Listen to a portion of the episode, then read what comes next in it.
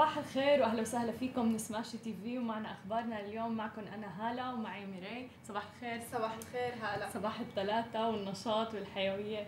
آه اليوم رح نبدأ أول أخبارنا مع منتدى الاستراتيجي العربي اللي انطلق يوم أمس بدورته ال 12 تحت رعاية صاحب السمو الشيخ محمد بن راشد ال مكتوم آه كان في مجموعة من المسؤولين الدوليين والخبراء الاستراتيجيين العالميين اللي شاركوا بجلسات هذا المنتدى. لاستشراف فرص وتحديات العقد المقبل آه، سياسيا واقتصاديا. خصوصا إنه في هلأ تسارع كثير بالأحداث الجيوسياسية والتغيرات اللي عم تصير بمنطقتنا العربية وحتى عالميا. وكان في جلسات عديدة بالمنتدى ومنها جلسة آه، حول التحولات الاقتصادية العربية خلال العقد القادم. آه، كان الدكتور عبد الرحمن بن عبد الله الحميدي هو المترأس هي الجلسة. وقال فيها إنه نحن بنحتاج حاليا إلى تغيرات سريعة في سوق العمل لاستقطاب الشباب ودائما بنشوف إنه دائما بيركزوا على فئة الشباب. وحتى أكد إنه القطاع اللي بيخلق وظائف وفرص وظائف عديدة هو قطاع رواد الأعمال اللي نحن دائما بنركز عليه بسماشي تي في. وكمان كان في تقرير جدا مهم اللي هو تقرير المسجد والدولة كيف بيرى العرب العقد المقبل آه، بموضوع الدين والسياسة والأمور الاقتصادية. وكان في استبيان خاص آه، شارك فيه حوالي 3000 شخص بالوطن العربي. أكد أنه 61% فضلوا أنه يتم فصل الأمور والقضايا الدينية عن القرارات الاقتصادية. آه وكمان في كان آه جلسة كانت كتير حلوة آه كتير آه حتى يعني ملفتة آه قادة الخبير الاقتصادي العالمي الدكتور فيكرم المحاضر بجامعة هارفرد. كانت عن اكتشاف هو كمان عنده كتاب اسمه اكتشاف الفقاعات المالية قبل الانفجار. وكانوا عم بيناقشوا فيها إذا هل رح تصير أزمة عالمية أخرى. نحن بنعرف إنه صارت في أزمة عالمية ب 2008 تقريبا. صح. تاثر فيه كل, كل العالم تماما. فهلأ عم يحكوا هل نحن مقبلين حاليا على أزمة عالمية أخرى؟ فقال إنه في أزمة عالمية لا يمكن تفاديها راح تحصل تقريبا ب 36 آه، شهر القادمين من هلأ. واتهم الصين بهي إنه هي سبب هي الأزمة. آه، بمسؤوليتها عن خلق فقاعة اقتصادية كبيرة بسبب إنه دائما في زيادة كثير كبيرة آه، بالعرض اللي عم بتقدمه الصين بالسلع ولكن الطلب قليل جدا. بالضبط. ف آه، وكمان صار في تباطؤ بنمو الاقتصادي الصيني وصار في زيادة على الديون المتراكمة عليها اللي عم بيعززوا احتمال حدوث أزمة مالية. هذا سؤال أنا كثير سمعته من الناس بالفترة الأخيرة أنه هل رح يكون في أزمة مالية أخرى؟ ف هون هذا الخبير عم بي إيه متخوف من هذا الموضوع. فيعني الواحد بتوقع لازم يكون كثير حذر حتى يحمي حاله لأنه قد تصير أزمة مالية صح. وتعيد من إنشاء الاقتصاد والدورة الاقتصادية ولكن لازم عن جد الواحد يحمي حاله من صح. هذا الموضوع وتاكيدا على حكيك هلا الحرب التجارية اللي صارت بين الصين وأمريكا صح نحن ما كثير عم نشوف يمكن عائدات نيجاتيف منها بس للمدى البعيد رح تأثر كثير ويمكن هي السبب الأول والرئيسي كمان صحيح. للانهيار اللي حيصير حتى في كل المشاكل الاقتصادية بشكل عام. حتى في كوريا واليابان يعني في كثير أمور شوي هيك صامتة عم بتكون الحروب معنا معلنة صح. يعني بشكل كثير كبير. لأنه هن الركائز الأساسية لكل التجارة العالمية. بالضبط. وإذا هن اهتزوا شوي يمكن العالم باكمله وحتى المنطقة العربية بتتأثر آه، بهذا الشيء بس مثل ما ذكرت إذا الواحد عامل يمكن بلان أو عامل تخطيط مسبق ونحن شهدناها طبعا هذا الانهيار آه بيقدر شوي يوقف على اجريه وإذا معتمد على كذا قطاعات مش قطاع واحد بيقدر يوقف على اجريه كمان هيك بالمملكه العربية السعودية عم نشوف القطاعات عم تتنوع على يعتمد عليها التركيز على الناتج صح الناتج المحلي آه الإجمالي للمملكة العربية السعودية. وبكل المنطقة كمان عم يعتمدوا على العديد من القطاعات ليقدروا يتوازنوا بين كل القطاعات ما يكونوا معتمدين على قطاع معين. صحيح لازم. حتى كأفراد نحن دائما بنأكد على هذا الموضوع اللي هو يكون عنده الواحد أكثر من مصدر دخل صح. آه، يتنوعوا لأنه لحتى يضمن حاله في حال حدوث أزمة آه، ما بيعرف الواحد الضغوطات المالية اللي ممكن يعاني منها. صح. وخلينا بعيدا عن الأزمة اللي ممكن تصير لنروح على سناب شات آه وسناب شات لكل محبي كل التقنيات الجديدة والميزات الجديدة اللي بتطلعها. سناب شات معنا آه Spectacles آه 3 كل العالم كانت ناطريتها هلا. صحيح. أول شيء خلينا نحطها كثير مهضومة و stylish. حتى حلوة. حتى ما مبينة إنه هي آه، بقلبها technology أو بقلبها كاميرات خفيفة الوزن.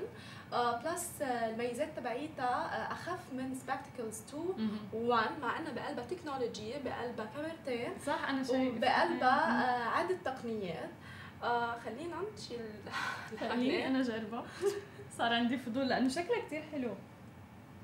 صح؟ صح. إيه شكلها حتى العالم آه هذا اللي بيشوفها ما بتبين إنه هي آه بتبين عادي عوينات ليك أنت لابستها ما بتبين بقلبها technology حتى مو ثقيله exactly. هلا إذا بدنا نحكي عن مميزاتها وسناب شات بتكشف النقاط على نظاره Spectacles 3 آه واللي هي كانت منتظرة طبعا كل العالم آه ناطرينها واللي استعمل خاصة Spectacles 1 و2 بيعرف أهمية هذه العوينات بشكل عام وقد ايه هي بتصور قصص nature نحن بنشوفها بيومياتنا وإذا رحنا ظهرنا أو قصص ترفيهية حابين نصور ال moment أو نصور اللحظة اللي نحن فيها بنقدر نصورها مثل ما نحن عم بنشوفها. وبتيجي نظاره Spectacles 3 مزودة بكاميرتين طبعا عالية الدقة HD وأنا لما رحت على آه، ال office تبع سناب شات رحنا برحلة طبعا وصورنا آه، بالعوينات وكانت كتير حلوة. آه، بنشوف الصورة 3D حاولنا كلنا يعني بعتقد هذه ال technology فائقة التطور. وبتمكن طبعا المستخدمين من التقاط التقاط الصور بصيغة ثلاثية الأبعاد اللي هي 3D بيقدر الأشخاص بس آه، يكبسوا إذا بدهم كبسة كاملة آه، بتاخد فوتو أو صورة وبدلهم كابسين آه، عليها بتاخد صورة وبدلهم بس كبسة واحدة بتاخد فيديو لمدة 60 دقيقة 60 ثانية يعني دقيقة كاملة. دقيقة كاملة من الفيديو لحواكي حلو. طبعا منيح الوقت طبعا. كتير. وطبعا هي بيتم نقل اللقطات باستخدام Spectacles 3 بعالية الدقة على قسم الذكريات اللي هو ال memories بقلب سناب شات الخاص فيكم. لازم تعملوا update طبعا للسناب شات لتقدروا آه، تتماشوا مع ال technology الجديدة آه، بالاضافه للمزيد طبعا من الإضاءة والمناظر الطبيعية والمؤثرات الأخرى والمميزات اللي بتحطها آه، الفيديو. يعني أنت الشخص لما بياخذ الفيديو بيشوفه بال memory تبعه وبيقدر يحط بقلبه effects special effects هن صنعوها سناب شات مثل قلوبة وحتى مد مثل ال dragon بيجي آه، فوقك آه. فكتير مهضوم. هيدا بيميز Spectacles 3 عن Spectacles 2 1 وكمان اللي بميزها أكثر إنه هي خفيفة منا ثقيله حتى باللبس لما الواحد بيلبسها بوجهه كثير خفيفة مع إنه بقلبها technology آه، لأنه اجى طبعا آه، تعليقات من Spectacles 1 و 2 إنه شوي ثقيله على آه، العيون أو على المنخار مطرح ما بتهدي العوينات ومش بس هيك. آه كمان تعاونت سناب شات مع شركة عالمية آه ضخمة واللي هي جوتشي لإصدار Spectacles 3 بعلامة جوتشي يعني قد إيه stylish وقد إيه آه خاصة للبنات اللي بحبوا الموضة بيقدروا يجيبوا Spectacles 3 اللي هي مصممة آه، مع جوتشي ومع شعار جوتشي وتحت اسم Spectacles x Gucci stylish بنفس الوقت بتصور آه، نظارة ذكية وكمان بتحميك من الشمس. فقد هذا المشروع يمكن كثير حلو والكولابوريشن مع سناب شات وجوتشي كمان كثير حلو. بتعرفي أكثر شيء حلو وملفت بالنسبة لي من هذا الموضوع؟ موضوع إنه أنا ماني بحاجة إني ضيع اللحظة من إيدي. صح لما أكون أنا عم يعني موجودة بمكان عم شوف شيء ماني محتاجة إني اطلع الموبايل من إيدي وصور لا يعني بس أبداً. أنت مثل ما أنت كمان عم تنشع المنظر آه، بتصو بتصوريه بعتقد هيدي كتير حلوة لكل اللي عم بيسافروا آه ليكتشفوا بلدان عدة. حتى اللي عندهم أولاد بعتقد كتير حلوة لأنه مثلا الاولاد عم يركضوا أو عم يلعبوا فبكونوا عم بتصوريهم بالكاميرا أو كأنك أنت مثل ما شايفيتهم بعيونك. كثير حلوة التجربه ومانك مضطرة آه تخسري اللحظة يعني صح. إنه. فهن الأساس سناب شات لما طلعوا من أساس سبكتكلز 1 اللي هو اللحظه لازم تعيشيها وتصوريها وتعملي لها آه، ذكريات آه، آه، لها طبعا. وبتعمل نظارة Spectacles 3 بالضغط مثل ما ذكرت على زر لتشغيل تصوير الفيديو لمده 60 ثانية دقيقة أو الضغط المستمر لالتقاط صورة فوتوغرافية. وعلى فكرة كثير منا complicated الخبرية. بس تتعملوا update على سناب شات تبعك automatically بتقرأ الكود تبع ال Spectacles 3 وبتصير أنت تلقائيا تصور وبيجوا كلهم على ال memory تبعوا السناب شات وفيك طبعا تحفظيها وتحطيها على غير منصات آه، إلكترونية أو حتى يعني تحطيها آه، عندك وكمان فيها ميزة هلا آه، لما أخذت أنا فيديو فيني أنا آخذ أي لحظة من الفيديو بدي إياها. ففيني أقطعها دغري بتتقطع بنفس ال application وبتاخدي هيدا اللحظة. آه. واللي أحلى من هيك إنه كلها 3D فبتشوفي حواليك 3D كأنك أنت ب movie يعني. مم. فكتير حلو التكنولوجيا أنا شخصيا كثير حبيتها لا لا حلوة. مثل ما قلت لك أحلى شيء لأنه كثير بكره أنا لما الواحد بيكون بمكان مستمتع أو شيء بطلع موبايله فبتخسري هيك اللحظة يعني وبتخسري حتى حقيقة ال moment وكل شيء فهلأ يعني انت وحاطتيها موجودة. أنا already I'm enjoying the moment فما في داعي. Exactly. ولافت للنظر هلأ إنه أنا لما كنت لبستها وعم نصور انه عم نعمل ال experiment فيها والتجربة الأولى العالم ما طلعت فيي إنه لأ هيدي شيء غريب لأ عوينات آه عادة شمسية آه، آه. ما مبينه كليا إنه هي بقلبها technology أو بقلبها آه كاميرات وبعتقد هلأ مع الجوتشي بالمرة ما رح تبين أكيد آه آه تحديدا هال brand يعني. صح exactly آه خلينا ننتقل للخبر صحيح. هلأ الخبر اللي معنا من السعودية السعوديه بتلغي تخصيص أبواب منفصلة بين الرجال والنساء بالمطاعم. مثل ما بنعرف المطاعم بالمملكة العربية السعودية كانوا كلياتهم فيهم فصل ما بين الرجال والنساء وفي باب خاص للنساء وباب خاص للرجال. آه هي خطوة بتهدف لتخفيف القيود على الجنسين بالمملكة العربية السعودية. ووزارة الشؤون البلدية والقروية آه، آه، قالت على تويت غردت يوم الأحد أنه ألغى تسهيل اشتراطات البلدية لأنشطة المطاعم والمطابخ اشتراط مدخل للعزاب ومدخل للعوائل. هو قرار ليس إجباري طبعا فممكن إنه بعض المطاعم تلتزم ويضل عندها مدخل للرجال ومدخل للنساء والعوائل يعني. ولكن المعظم قرر إنه يتخلى عنه. ومثل ما بنعرف يعني هلا بظل كل التغيرات والإصلاحات اللي عم تقوم فيها المملكة العربية السعودية آه، مثل مثلا سماح للمرأة بالقيادة آه، وكثير أمور أخرى آه، مع فتح باب السياحة للمملكة العربية السعودية. فبنشوف إنه كل هاي التغيرات أكيد رح تعود بالنفع على المجتمع بالسعودية على الاقتصاد بشكل عام. فكلياتها هيك أخبار كثير حلوة عن صح عن المملكة العربية السعودية. خطوة أصلا كثير مهمة. وغير هيك العوائل والع... والاهالي بيقعدوا مع بعض حتى ال friends مثلا صحيح. آه بعتقد الكل رح يتبع هذه الاستراتيجية وصار already في كثير مطاعم يعني آه، متبعة هذه الاستراتيجية صحيح. وبتأكد على انفتاح المملكة العربية السعودية أكيد طبعا أكيد.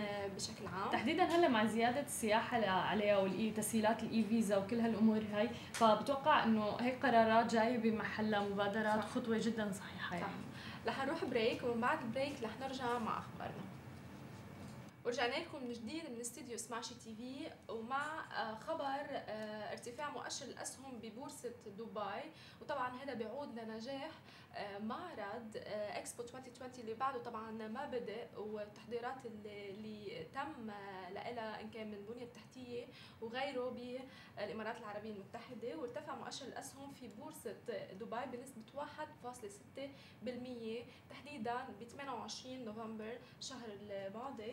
نظرا لتزايد مستوى الثقة والتفاؤل في مدينة دبي عقب اختيارها لاستضافة معرض اكسبو 2020 للسنة الجاية طبعا. وتعد هذه النسبة أعلى نسبة منذ خمسة سنوات. فأنتم متخيلين النسبة آه، منذ خمسة سنوات ما آه، شهدت بورصة دبي صعود آه، بهذه النسبة حتى الآن. آه، وبتعكس طبعا مدى أهمية هيدا الإعلان بالنسبة لدبي وعلى مدار اليوم ارتفع المؤشر بنسبة 4% بالبداية وتمكن طبعا وتخطى حاجز ال 3000 نقطة للمرة الأولى منذ عام 2008 أنتم بتتخيلوا هيدي النسبة قد إيه عالية؟ بتعود طبعا لعدة قطاعات رح تزدهر بإكسبو 2020 وأهم قطاع لها القطاع السياحي قطاع الفنادق اللي حيستقطب العديد من الشركات آه، من العالم حول العالم كله. كل البلدان مشاركة باكسبو 2020 دبي. طبعا سماشي تي في رح نغطيه لحظة بلحظة هلا. رح نكون هنيك كل العالم ناطرة كل الشركات ناطرة. هذا الحدث اللي كثير كبير وبتشير التوقعات لتدفق حوالي 25 مليون زائر للمدينة على مدار فترة إقامة معرض اكسبو 2020 اللي بتبلغ آه، لستة أشهر. وفي إطار هذا آه، تدفق السياح المتوقع وضعت حكومة دبي العديد من الخطط الرامية لتعزيز البنية التحتية بشكل عام آه، لإكسبو 2020 ولاستضافة هذا الحدث الكبير بكل التجهيزات تبعيتها. ونحن طبعا مدينة دبي عم تجهز لهذا الحدث آه، من سنتين. صحيح سنوات عم بحضروا لها. فمش مش قليلة ومش قليلة كمان كل الأسهم ترتفع طبعا قبل بدء اكسبو 2020 رح يكون لنا دور كثير مهم هنيك. أكيد لازم نغطيه أول بأول لأنه هو الحدث الأول من نوعه يعني هون بالمنطقة. فبالتالي نحن يعني فعلا بانتظاره. آه، كل الشركات جاية. أنا بعرف في ناس already حاجزة أوتيلات من برا. صح. بس لموعد إكسبو 2020 لأنه بيعرفوا إنه كل شيء رح يكون fully booked فكله بانتظاره فعلا كله متحمس ليشوف. آه بعدين كثير حلو إنه كل الثقافات رح تكون جاية بمكان واحد مجموعة بمكان واحد. كل مكان رح يكون له ال pavilion تبعه. آه الدول كلها رح تكون مجموعة بمكان واحد. صح مش بس هيك هلا الفرص العمل اللي حتكتر العالم المتوقعه آه مش بس بإكسبو 2020 آه شو بعد إكسبو 2020 العالم هذا التساؤلات اللي عم تسأل. آه يمكن فيكم تقولوا ارائكم أنتم برايكم شو بعد إكسبو 2020 إذا عندكم شوية ثقافة آه بال business أو أنتم رواد أعمال خبرونا على تويتر شو بعد 2020 شو متوقعين؟ آه شو نسبة ارتفاع وشو التأثير الإيجابي اللي حينحط طبعا بكل المنطقة العربية بدول مجلس التعاون الخليجي وبكل المنطقة المجاورة لمدينة دبي؟ صحيح نعم. كلنا نحن دائما بنحكي إنه هو في انتعاش رح يكون اقتصادي كثير كبير بإكسبو 2020 ولكن ما بعد إكس 2020 في كثير تساؤلات حول هذا الموضوع ولكن في ناس كثير كثير متفائلة فعلا مثل ما قلتي تحديدا بفرص العمل اللي رح تكون موجودة يعني بإكسبو 2020 وهلأ خلينا ننتقل لافتتاح متحف ريبل صدق أو لا تصدق اللي افتتحوه بالقرية العالمية. آه، المتحف هي بتستضيف القرية العالمية بدورتها ال 24 آه، لأول مرة على مستوى الشرق الأوسط وشمال أفريقيا. آه، المتحف بضم ست أقسام كل قسم فيه كل شيء جديد غريب مبتكر. قضى حتى مؤسسو المتحف حوالي 40 سنة بس عم بيحاولوا يجمعوا هاي القطع الغريبة بمكان واحد. آه، تشمل الغرائب اللي موجودة بهذا المتحف آه، عدة آه، أشياء مثل مثلا النسخة الوحيدة من السيارة الخشبية العائمة فراري اليدوية الصنع مصنوعة باليد. وأصغر سيارة تم تصنيعها واشتغلت على الطرقات. والفك العملاق للقرش ميجالدون. ونيازك من الحديد من آلاف السنين حتى في قسم للفضاء اسمه واو للفضاء فيه كتير شغلات جايبينها إنه من الفضاء فيه بدلات رواد الفضاء آه، في كمان مثلا شغلات من مخلفات الديناصورات الديناصورات موجودة. حلو. آه، حتى فيك تلمسيها يعني كلها بتشوف فيها. آه، شغلات جدا جدا غريبة. أنا رحت زرته للمتحف. حتى في مثلا أطول شخص بالعالم أسمن رجل بالعالم آه، أكبر أنف بالعالم. كنت مبسوطة. شفت حدا انفه أكبر من أنفي؟ فكتير كتير كان في شغلات حلوة. في اللي عندها العنق اللي كتير طويل. Oh شغلات جدا جدا غريبة. لا لازم زوره أنا. كثير حلو. هلا زرته طبعا. كثير حلو كان. الرسوم كانت حوالي 40 درهم للدخول. آه، حتى في ميز هيك كلياتها آه، مرايات. كمان جدا ملفتة جدا حلوة حلو للأطفال حلو, حلو. للكبار حلو للعوائل. لكل الأفراد فعلا جدا جدا جدا حلو فيه شغلات جدا ممتعة فعن جد بنصح الجميع إنه يزوره حلو. قد إيه المدة فينا فينا يعني قد ما بدك نبرم فيه قد ما فينا وفينا نصور؟ إيه طبعا. حلو. إيه. أحلى شيء. هذا حكينا عنه طبعا قبل ما يفتح جلوبال فيلج وبما انك انت زرتيه يعني صار عندك يمكن ال experience كلها عليه بتنصح العالم. أكيد. يعني بصراحة فعلا من كثر ما استمتعنا بالزيارة ما صورنا من كثر ما بدك توقفي عند كل شغلة تقري شو هي. حلو. honestly حلو. وكثير لافت قصة الفيراري اللي مصنوعة من الخشب. ذكرتي إنه هي انساقت لا هي أصغر آه، سيارة تم تصنيعها انساقت كان موجودة. اللي مشيت على الطرقات موجودة هنيك كمان باي في شغلات ثانية مثل مثلا فساتين أعراس. معمولة من آه، ورق التواليت المحارم. Oh ففي شغلات عن جد شغلات ملفتة جدا. في حتى قسم فيه هيك ألعاب فيه حزورات فيك تلعبيها. ففي تفاعلي ما نو مثل المتاحف التقليدية اللي مثلا بس بتفوتي بس بدك تتفرجي أو شيء هيك. لا في شغلات حتى بتاخذي صور. وذكرتي في أطول شخص بالعالم وصار هذا هذا معمول كمان بلبنان المتحف الشمع. أيوه. المشاهير في هون مشاهير العالم اللي هو أطول شخص وأصغر شخص وكثير ريل يعني. قد إيه بتحسيهم طبيعيين؟ لأنه الشمع صحيح مصنوعين. وطبعا اللافت إنه في العديد من القصص الغريبة والنادرة والديناصور قطع من ديناصور حقيقية. إيه, إيه أنا أنا لمستها آه، موجودة هناك وحتى كنت أنا عم بستفسر إنه هل هي حقيقية, حقيقية. مو معقول يعني. فقالوا لي إيه ف... آه، أصلا جلوبال فيلج هو لكل العائلات طبعا. صحيح. ولحظات ممتعة لما الشخص بيروح بزورها صارت وجهة ترفيه بصراحة. قبل كانت يعني آه، مجرد الناس تروح تشتري, تشتري صح. إيه. هلأ لا صارت هلأ أنا بس أنا بروح باكل هونيك ف... فالعالم إيه مش بس إنه تشتري بتروحي بتاكلي بتلعبي بتتمشي هونيك ف ومع هذا الجديد طبعا المتحف صحيح. المتحف experience كثير حلوة. آه خلينا ننتقل للخبر اللي معي لليوم هو آه تحديدا حنروح على المملكة العربية السعودية والسعودية تكتسح السوق الإلكتروني آه وتعد بين أفضل عشر دول بقطاع التجارة الإلكترونية حول العالم. طبعا. صنف مؤشر التجارة الإلكترونية للأمم المتحدة المملكة العربية السعودية بين أفضل عشر دول بقطاع التجارة الإلكترونية. يعني كل شيء بيتعلق بال online shopping. أه واحتلت المؤشر الصادر عن مؤتمر الأمم المتحدة للتجارة والتنمية المملكة في المرتبة التاسعة والأربعين بالترتيب العالمي واللي احتلت المرتبة الثالثة بالمؤشر العام أه كله. آه، طبعا استخدام ال online shopping هلأ عم يكتسح العالم كله. بالمنطقة العربية بشكل عام المملكة العربية السعودية احتلت بين عشر آه، أفضل عشر آه، دول. يمكن من هون لكذا سنة ما بقى نشوف بالمرة store أو ما بقى نشوف بالمرة حدا عم بيروح ويعمل هذا الجهد ويروح يشتري من store وحتى اللي عندهم محلات تقليدية صار في عندهم طبعا اونلاين الوقت صار أسرع العالم بطلت فاضية. آه، بين كل هالانشغالات الواحد بس على تليفونه أو اللابتوب بيقدر يطلب اللي بده إياه خلال 24 ساعة إذا كان بنفس المنطقة صحيح. بيتوصل له. إذا كان عالميا حتى بأمريكا أنا بيوصل من Shop and Ship إذا اشتركت ب Shop and Ship بيوصل خلال أسبوع أو أقل من أسبوع كمان.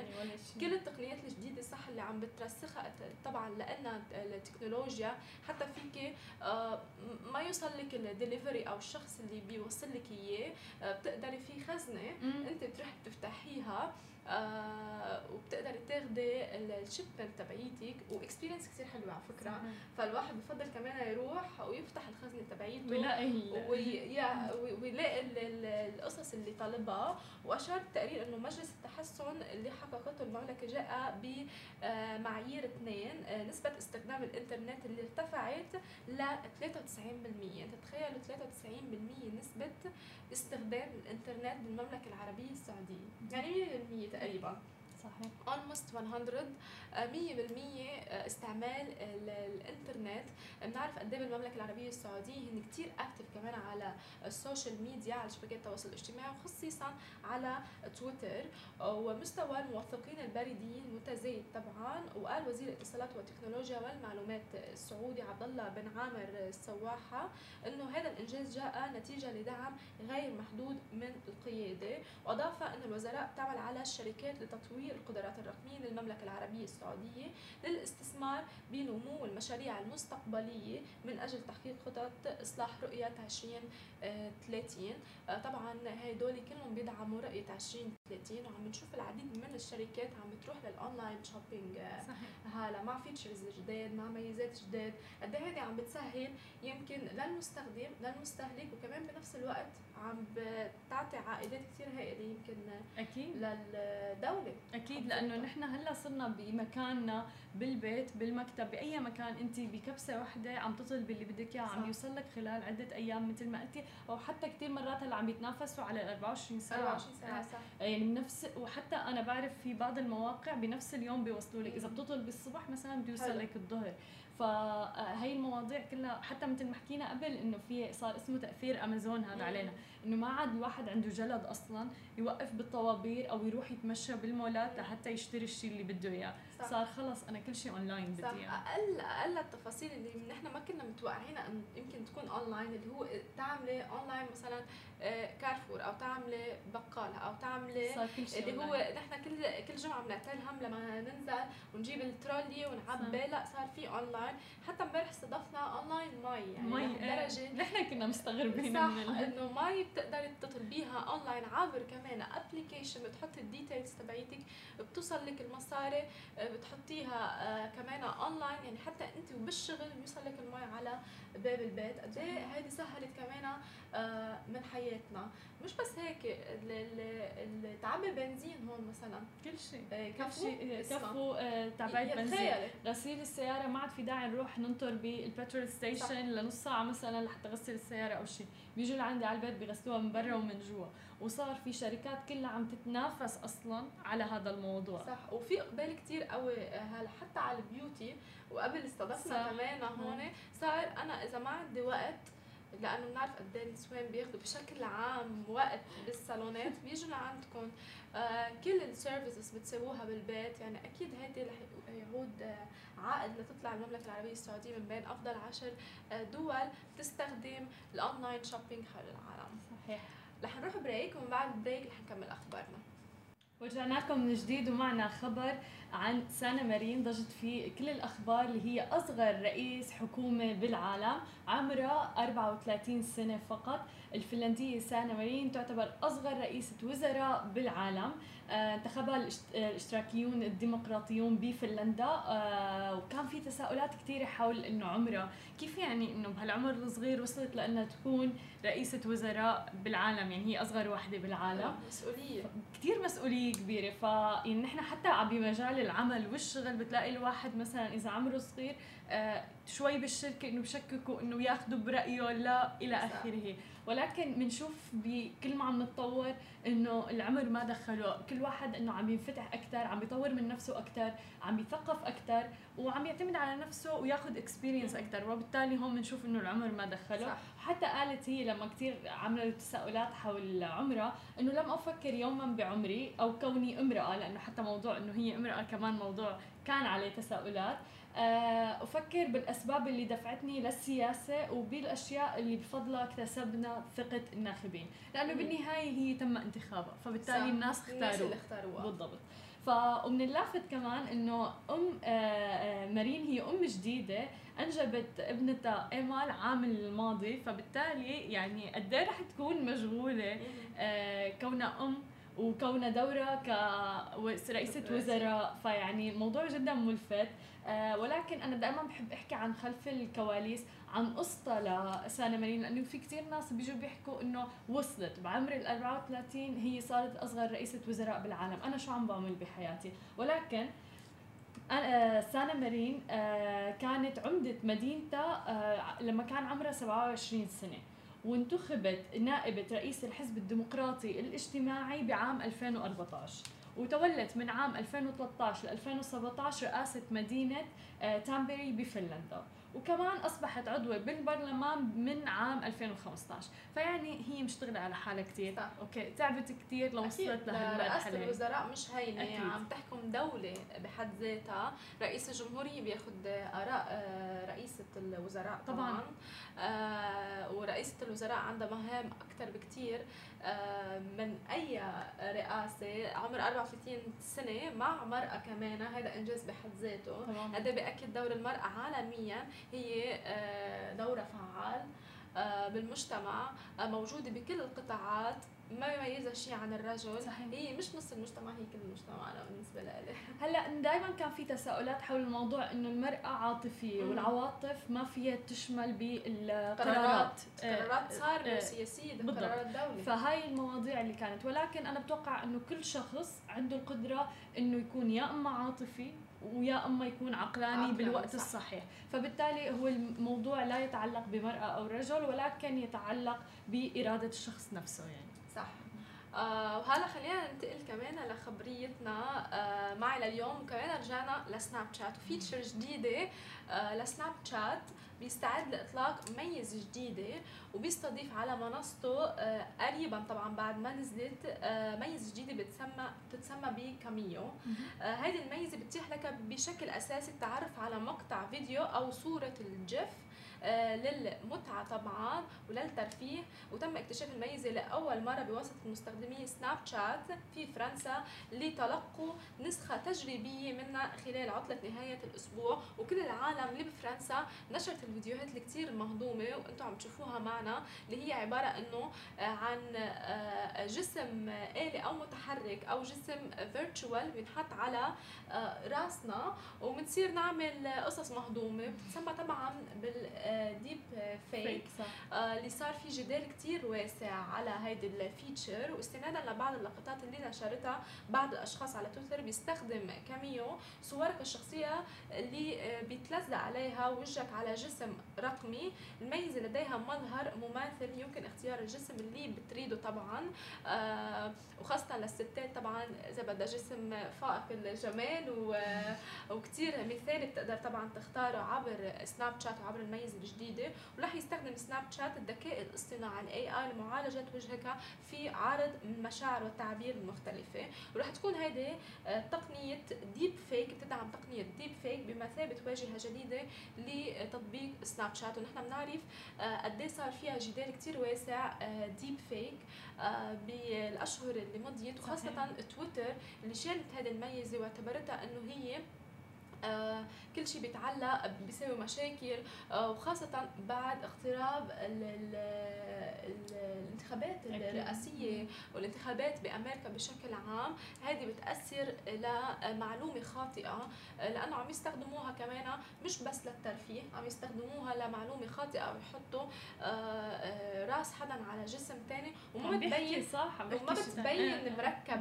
آه، هالقد في دقة بالديب فيك ما بتبين إنه هي مركبة أشخاص ما بنعرفهم أو يمكن أجسام على رأس شخص معروف وبتؤدي لمشاكل. بس سناب شات أخذت اتجاه آخر كليا وبدها آه، تطور من المنصة الإلكترونية تبعيتها. وبعدها طبعا كل المنافسة الكبيرة بين آه، انستغرام فيسبوك وحتى تيك توك هلأ اللي مكتحس آه، كل ال- الساحة آه، بالمنصه تبعيته سناب شات عم بتحاول كمان آه، تكون بهذا الجو ومع ال feature الجديد اللي نازل. كثير مهضوم هلا الفيديو عم يشوفوه العالم آه، كثير حلو وكتير مميز يعني الواحد بيقدر يستخدمه. وهذا كمان يكتر سناب شات من المستخدمين لمنصته بشكل عام. وطبعا مثل ما ذكرت إنه آه عم بتنافس سناب شات فيسبوك انستغرام وتيك توك وتعرضت هذه التقنية لانتقادات لكن آه يمكن استخدامها لإنتاج مقاطع فيديو سياسية مثل ما قلت مزيفه كرمال هيك العالم كانت متخوفه منها وخاصة تويتر شالها تلقائيا وبطل يسمح لأي آه فيديو مزيف أو ديب فيك على آه منصته. بتوقع كل منصة من منصات التواصل الاجتماعي مختلفة بتوجهاتها عن بعض يعني. مثلا تويتر دائما في قرارات صارمة بالأمور اللي بتتعلق بالأمور السياسية دائما يعني شالوا الإعلانات السياسية مباشرة. موضوع الديب فيك اللي ممكن يعمل أي نوع من الأخبار المزيفة كمان فورا شالوه. لأنه عن طريق تويتر الناس صارت تاخذ أخبار. وصارت تتجه له للآراء و إلى آخره. فبالتالي دائما بياخذوا قرارات جدا صارمة بهذا الموضوع. ولكن مثل فيسبوك سناب شات مثلا سناب شات دائما بلش بإنه شيء فن شيء. فني ما شيء أصلا ثقيل ما عن طريقه ما بناخذ غير حتى المعلومات. يعني بالسناب شات ديسكفر بنلاقي المحتوى اللي موجود تعليمي وترفيهي ترفيهي. الوقت آه، يعني دائما اخذ طابع. ترفيهي يعني. فبالتالي آه، هيك فيتشر كتير حلوة بحسها كتير بتلبق حتى لسناب شات يعني يا. ولمستخدمينها بشكل عام واصلا آه، لنرجع من قبل سناب شات هي كانت من الأوائل المنصات الإلكترونية اللي بتدعم الفيديو أو الأشخاص تطلع وتحكي على صحيح. المنصة تبعيتها ال stories قبل ما يتنزل بإنستغرام قبل ما يتنزل حتى مثل عفويه بتعرفي يعني سناب شات بلش فيه إنه أنت مالك مضطر إنك تكون فيك أو أي شيء يعني مجرد تمسك الموبايل وين ما كنت الإنستا story شوي لسه بتحسيها في عليها هيك قيود. بتحسي الواحد لازم يكون لسه جاهز أكثر مو بعفوية سناب شات يمكن. إيه فسناب شات من أول ما بلش بلش إنه الناس فيها تطلع وتصور بالبيت بأي مكان صح. ما في أي قيود. في العديد من العالم انشهرت وال influencers bloggers طلعوا من سناب شات اللي هي كانت بس مسحة نزلوها على الموبايل تبعهم وجابوا viewers كثير هائلة. وطبعا بسناب شات ما في الواحد يلعب بالأرقام. آه هذا جدير للذكر طبعا. ما في الواحد يلعب بالأرقام ما في آه ما في فيك followers يعني هذا فايت عن جد لعندك ليتابعك. الأرقام بتبين آه في screenshot للعالم طبعا بنبعث لها report قد إيه في نسبة مشاهدة عندها. يعني المنصة الوحيدة اللي ما بيقدر الواحد يمكن يلعب بالأرقام بتعرفي أحلى ميزة أنا بشوفها بسناب شات إنه ما في peer pressure فيها. يعني آه بسناب شات ما في شيء له علاقة بال like بال comment. فبالتالي أنا لما بنزل شيء على سناب شات ما عندي هذا الشعور إنه أوف ما انعمل لي like أوف ما انعمل لي comment. كثير ناس هلأ عم تعاني منه. صح. وهلأ عم تدرس إنستغرام مثلا انها تشيل ال likeات بسبب هذا الموضوع بسبب صحتنا النفسية نضل محافظين على سناب شات من يوم يوم ما عنده هذا الشيء. نزل اللي بدك إياه وما حدا مثل بيحكم عليه. بس بيحضروك. وحتى كمان في ميزه إنه فيك تشيل ال comment كمان. ما بدك وجعة راس آه، آه، تشيل ال messages. آه، قصدي ما بدك وجعة راس ما بدك حدا يبعث message مضايقة بتقدر تشيلي هيدي الميزة. حتى في ميزة إنه ما يشاركوا ال snapات تبعك إذا ال account تبعك إذا بدك. صح. ف يعني في دائما ببين كمان إذا انعمل screenshot على هيدي قبل ما أول ما نزلت سناب شات مش كثير عالم كانت تعرفها. صح. فينعمل له screenshot okay ليه مبين على هذا اللي شاف أزرق. ازرق فبعدين العالم انتبهت. لا. ال screenshot بتبين فهذه كمان حلوة ال feature صحيح وهلأ من ال features تبع مواقع التواصل الاجتماعي وسناب شات خلينا ننتقل لمطارات دبي اللي عاملة خلينا نقول feature أو مبادرة جدا جدا ممتازة بتساعد بالبيئة واللي هي عم تستعد لحظر استعمال المواد البلاستيكية بشكل كبير. مطار دبي الدولي ومطار دبي وورد سنتر آه رح يكونوا خاليين من المنتجات البلاستيكية اللي بتستخدم مرة واحدة. ولكن منذ طرح الفكرة واجهوا تحديات جدية وكتير عديدة منها إنه أكثر من 90 مليون مسافر عبر المطارين مطار دبي الدولي ومطار دبي وورد سنتر آه بيستهلكوا يوميا عشرات الآلاف من المواد البلاستيكية كعبوات مي أغطية أكواب القهوة مثلا وكلها بيستخدموها مرة واحدة وبيكبوها. وهذا بتوقع تأكيد على موضوع إنه التغيير بيبدأ فينا نحن كأفراد. المفروض نحن نغير من يعني شخصيتنا بالأول ومن عاداتنا لنساعد البيئة والكوكب اللي نحن عايشين عليه. آه ولكن اعتبارا من آه 1 يناير 2020 سيتم إزالة الأدوات والمواد البلاستيكية مثل مثلا الستروز آه مثل علب تعبئة الطعام والأكل الجاهز كلها من مطارات دبي. وكمان رح يتم العمل على زيادة مرافق لإعادة التدوير والتخلص من آلاف الأطنان من هي المنتجات البلاستيكية ذات الاستخدام الواحد بشكل صحيح وصحي وسليم للبيئة. ومن أبرز الشركاء بهي المبادرة البيئية هو مطعم الوجبات السريعة ماكدونالدز. اللي رح يستبدل استخدام أكثر من 5 مليون قطعة بلاستيكية مصنعة بمواد آه، قابلة لإعادة التدوير.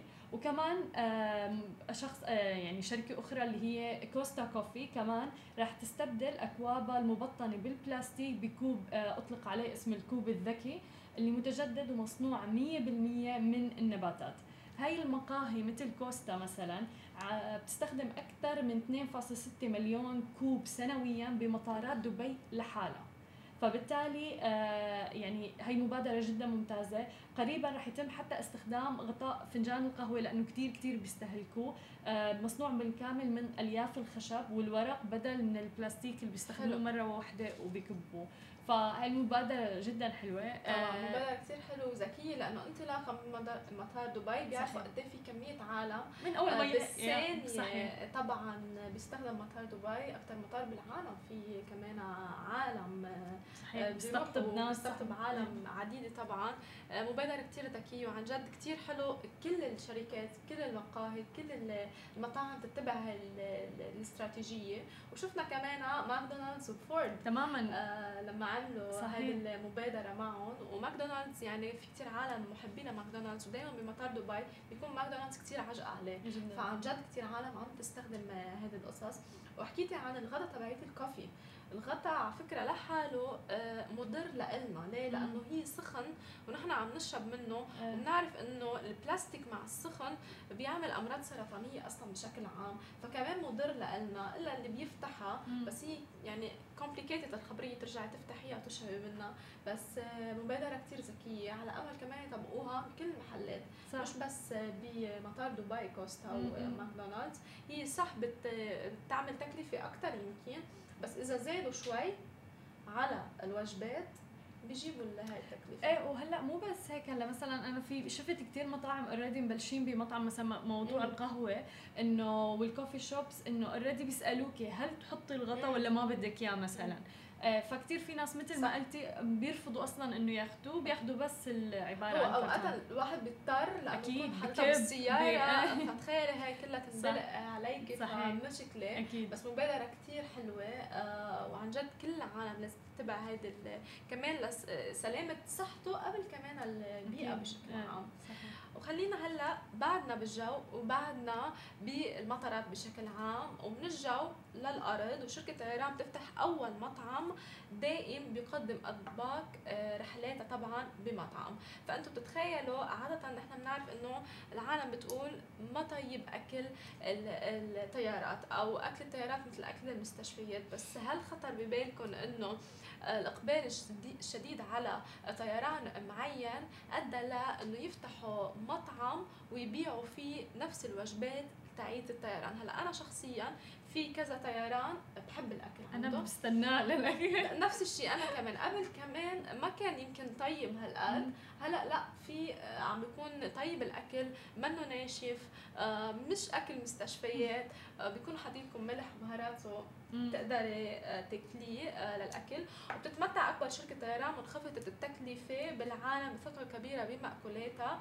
إذ تقول الشركة إنه اللي بتتخذ طبعا من ماليزيا مقرا لها إنه عم بتخطط لفتح 100 مطعم آخر مثل المطعم طبعا اللي فتحته حول العالم على مدى السنوات الخمسة المقبلة. ويقع أول مطعم ذو الخدمة السريعة بمركز ديشاري بكوالالمبور. وبيحمل اسم سانتان.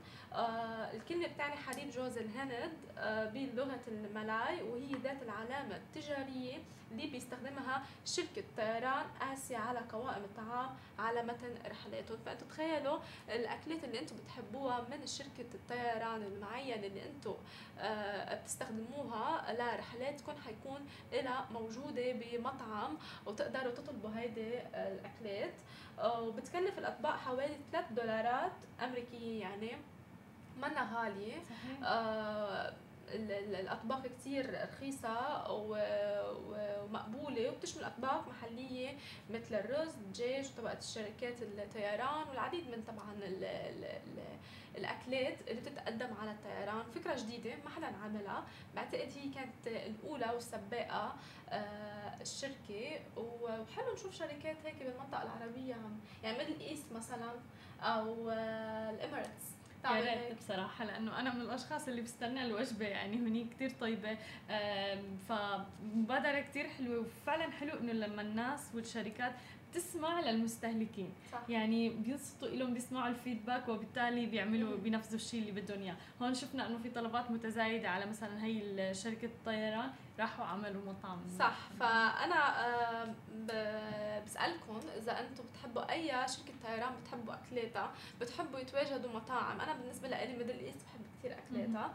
آه أنتم برأيكم أي طيران ميدل إيست إميريتس أو حتى طيران السعودي بتحبوا أكله يكون موجود دائما تقدروا تطلبوه على الأرض مش بالجو؟ آه، هلأ خلينا نروح. نحن عملنا مقابلة آه، كثير حلوة آه، مع عمر. حكينا فيها عن كيف قصة فشل راحت وتغيرت وعملت منه شخص عم بيعمل مقابلات مع كثير مشاهير وأشخاص عالميين. فخليكم معنا وتابعوا المقابلة. عمر المديدي من منتل انبلوك كيفك عمر؟ الحمد لله. شو الأخبار؟ الحمد لله بخير. وأخيرا معنا أنت اليوم. شكرا على الفرصة. ولو. آه، احكي لنا أكثر عن Mental Unblock وشو بتعملوا فيه مشان العالم بيعرفوا أكثر Mental Unblock طبعا هاي أول مرة أتكلم على Mental Unblock صراحة. آه وأول مرة إنه أحد يسوي interview معايا. بالعادي بالعكس. بالعكس. ف I don't know إنه كيف راح تكون أجوبتي بس I'll do my best. Mental Unblock هي عبارة عن منصة إنه uh, يعني نسوي interviews مقابلات مع شخصيات معروفة. يعني أغلب الأحيان يكونون entrepreneurs business people. Uh, اللي ابتدوا المشوار بدبي. فسوينا interviews مع أصحاب شركة The Entertainer Koita Foods سوق المال Mumzworld وبالفترة الأخيرة يعني الحمد لله ال calibre of ال guests يعني كبر فكان عندنا توني روبنز كان عندنا جرانت كاردون جاري في. وإن شاء الله يعني بالمستقبل القريب آه، متوقعين ناس كبار أيضا آه،. شخصيات عالمية. إن شاء الله. طب كيف وصلتوا؟ أنا عندي فضول يعني. كيف وصلت لأشخاص وأسماء كبيرة مثل توني. روبنز وجاري في وجرانت كاردون آه، كثير ناس سألوني هذا السؤال. أهم شيء إنه يعني كان عندنا منصة. يعني إنه كان عندنا platform أو منصة معينة اللي نقدر نحتضن فيها الأشخاص المعينين. الحمد لله الاستوديو عندنا هو استوديو إنتاج تلفزيوني كامل. فهذا شيء يساعدنا طبعا. آه، توني روبنز بالأخص توصلنا له عن طريق آه، زميلة الي اسمها أندريا. آه، هي مخرجة سينمائية في هوليوود. كانت هنا بدبي على project معين. فتعرفنا وقالت لي إنه Mental Unblock as show يعني was a good idea وليش ما تفكر إنه تجيب أشخاص معينين مثل توني روبنز وغيره؟ فقلت لها would love that بس إنه كيف الواحد يتوصل لتوني روبنز؟ فقالت لي يعني. ممكن اوصلك لتوني روبنز عن طريق زميلتي. فتعرفت على زميلتها أريانا. أريانا تشتغل directly مع توني روبنز يعني على طيارته الخاصة. سألتها قالت لي مو مشكلة أعطيني الأوراق proposal an idea brief of the show وصراحة ما كنت متوقع أي شيء راح يصير من عندها. فأعطيتها المعلومة. واول مدة أصلا ما بعثت لها شيء يعني. شهر شهرين ثلاثة نسيت الموضوع. وهي سألتني. wow الموضوع أشهر يعني اشتغلت. الموضوع أخذ تقريبا سنة. إيه، wow الموضوع أخذ تقريبا آه، سنة. يمكن معنا شوي أخذت أقل مع جاري في حكيت هلا interview مع جاري جاري في. بس still بس إحنا بنحكي يعني إحنا شركة مثلا. صار لها سنوات أو هيك. بس مش فالموضوع startup. بالضبط. موضوع يعني الموضوع بالنسبة لك موضوع مختلف شوي يعني فأخذ أشهر منك إنك صحيح. لا ومع توني روبنز يعني مو من النوع اللي يسوي مقابلات هو بالضبط. تماما. أصعب من فهذه كانت exclusive و حتى يعني إحنا اشتغلنا على الموضوع تقريبا سنة بس still كانت last minute notice يعني.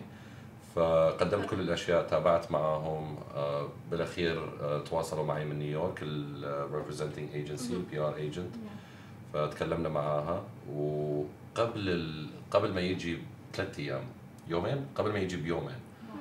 آه، تابعت معهم قالوا أكو احتمال كبير إنه ممكن يجي. we will let you know. خليكم على standby سبتمبر واحد first هو ال event كان عنده سبتمبر 2 صحيح. سبتمبر 1 الساعة 11 ونص بالليل تواصلوا معي من نيويورك. آه قالوا لي إنه في احتمال بكرة يجي. آه قلت لهم okay. انطوني ال confirmation على الساعة 5 ونص الصبح. إنه he will be there in a few hours. Are you well? كنت مجهز حالك؟ نهائيا. Oh. نهائيا. ما كنا مجهزين. ما كان عندنا ال staff واغلبهم كانوا مسافرين. آه، وكلموني على الساعة 8 هم قالوا راح يجي على الساعة 2 الظهر. كلموني على الساعة 8 الصبح من الاستوديو. قالوا إحنا ال security team we are here قلت لهم ليش؟ ال interview is later يعني بعدين الظهر. قالوا لازم نسوي inspection فرحت على السريع رتبنا الأمور الحمد لله صارت ماي يعني. جاد قصة يعني. إيه. صارت بس هو كان آه، الموعد كان تقريبا على الساعة 2 تأجل صار على 3 ونص. صارت الساعة 3 ونص وإحنا يعني ما سامع صارت بالأربعة وما سمعنا ولا شيء. آه وبعدين قالوا في احتمال إنه ننقل ال interview على الفندق. ما كان عندنا القابليه إنه نروح نسوي ال interview بالفندق. فأنا مبدئيا قلت لهم yes okay no problem ما في مشكلة. رح أعمل أي شيء لا. لا لا لو قايلين لنا بالفندق ما كان قدرنا نسوي لأنه ما كان عندي ال setup to do it طب آه، عم بتقول عمر إنه أنتم ما كنتوا تعرفوا و like أكيد كانت interview كثير ناجحة، قد إيه هذا بيلعب دور آه، ثقافه ال journalist أو ثقافه ال- ال- اللي عم يعمل حوار آه، يخلص حاله يمكن بآخر آه، آه، لحظة أو يعمل مع شخصيات كثير كبيرة هيك. على طول آه، ال interviews اللي سويناها على طول كانت آخر لحظة. يعني ما كان في شيء scheduled ومضبوط من الأول. على طول يصير في تغييرات بال schedule يعني مع Grant Cardone إحنا كنا متفقين على الساعة 10 ونص على أساس نبدي. آه بدأ ال interview على الساعة 4 لأنه آه آه توقف بالمطار هو. صح لأربع ساعات صحيح. أكثر حتى توقف بالمطار. فصار عندنا تأخير. وفذاك اليوم كان عندنا دورات تدريبية بالاستوديو فاضطرينا نأجل نغير نسوي أشياء هواية. improvising على آخر لحظة يعني. بس الحمد لله it went very well الحمد لله. طيب احكي لنا أكثر عن Mental Unblock وليه اخترت هذا الاسم تحديدا؟ وقد صار لكم موجودين؟ آه الاسم Mental Unblock show أنا جتني فكرة Mental Unblock بعد ما آه طلعت من الشركة اللي اسستها أسست شركة اسمها يور أملاك آه من كم سنة. و الاتفاق بيني وبين شركائي ما مشى. ف لقيت نفسي طالع من الشركة بطريقة اللي ما كنت أتوقعها. آه شفت إنه بنيت شركة على مدى سنين وكبرتها وصار لها مقر في أربع بلدان و55 موظف. وبالأخير حسيت إنه خسرت هذه الشركة. فلمدة شهر أو شهرين يعني آه كنت متضايق من الموضوع. آه ففكرت إنه وين غلطت بالمشوار؟ أو شنو هو هي الأشياء الغلط اللي سويتها؟ فحبيت أتعلم. ومنها جتني فكرة Mental Unblock ردت إنه أستشير آه، الناس اللي نجحت في مشوارهم وأقدم لهم تجربتي وأشوف إنه بناء على رأيهم شنو هي الأشياء اللي كان ممكن أسويها أفضل. لأنه كان عندي نية إنه أفوت بال business مرة ثانية أو إنه أفتح شركة ثانية. بس ردت أتجنب كل المشاكل اللي سويتها أو الأخطاء اللي سويتها مسبقا. فبدت الفكرة بس ك يعني question and answer. وكنت أسجلها على التليفون بس كمعلومات. وفي عندي أصدقاء لما سمعوها قالوا لي المعلومات يعني من ذهب ليش ما تسوي من عندها مثلا شو أو بودكاست فبوقتها دورت إنه هل كان في برنامج هل كان وصراحة ما كان في أحد من تقريبا سنتين. ما كان في أي حد يسوي مقابلات يعني. ف قعدت أفكر باسم. وبعد تقريبا ثمان ساعات آه، أخوي قال لي شنو مشكلتك؟ قلت له يا أخي بدي أفكر باسم للبرنامج ومتى أقدر قال لي ليش؟ قلت له ما أعرف I have a mental block آه منتل بلوك فالاسم Mental Unblock came from that moment. So that's how the name came up. وأول شخص سويت وياه مقابلة كان في شركة اسمها MCG and Co ما نشرنا هذه الحلقة. uh, ثاني مقابلة كانت مع سبنسر لودج مع سبنسر آه، بالأخص هو كان من أول الناس اللي دعمني وساعدني بهذا المشوار لأنه ما كان أحد يريد يجي على المقابلة انه what's mental health بعد صعوبات واجهته يعني. أنا لحد اليوم يعني صراحة ك online penetration أو ك social media following أو شيء ما أعتقد إنه عندنا هال following الكبير صراحة. وفي كثير ناس لما كنت أفكر بال يعني الفكرة كلها قالوا لي راح تكون صعبة لأنه ما عندك social media following ما عندك exposure فما حد راح يجي على ال show. آه بس ما ردت اؤمن بهذا الشيء يعني أنا أول ما جبت ال guest ما كان عندي لا website لا YouTube channel ما كان في ولا شيء حلو guest لك على التليفون يمكن جبت ال guest based على ال future growth based على مستقبل البرنامج. واو.